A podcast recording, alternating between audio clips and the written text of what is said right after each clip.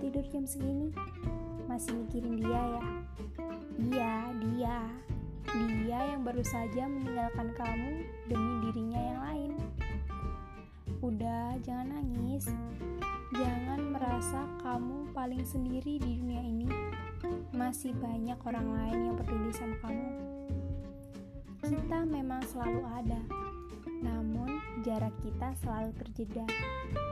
Mungkin beberapa bagian kehilangan harus segera dipulihkan agar kehidupan terus berjalan. Hilangmu bukan berarti lukaku, namun kecewamu adalah tangisku. Semangat!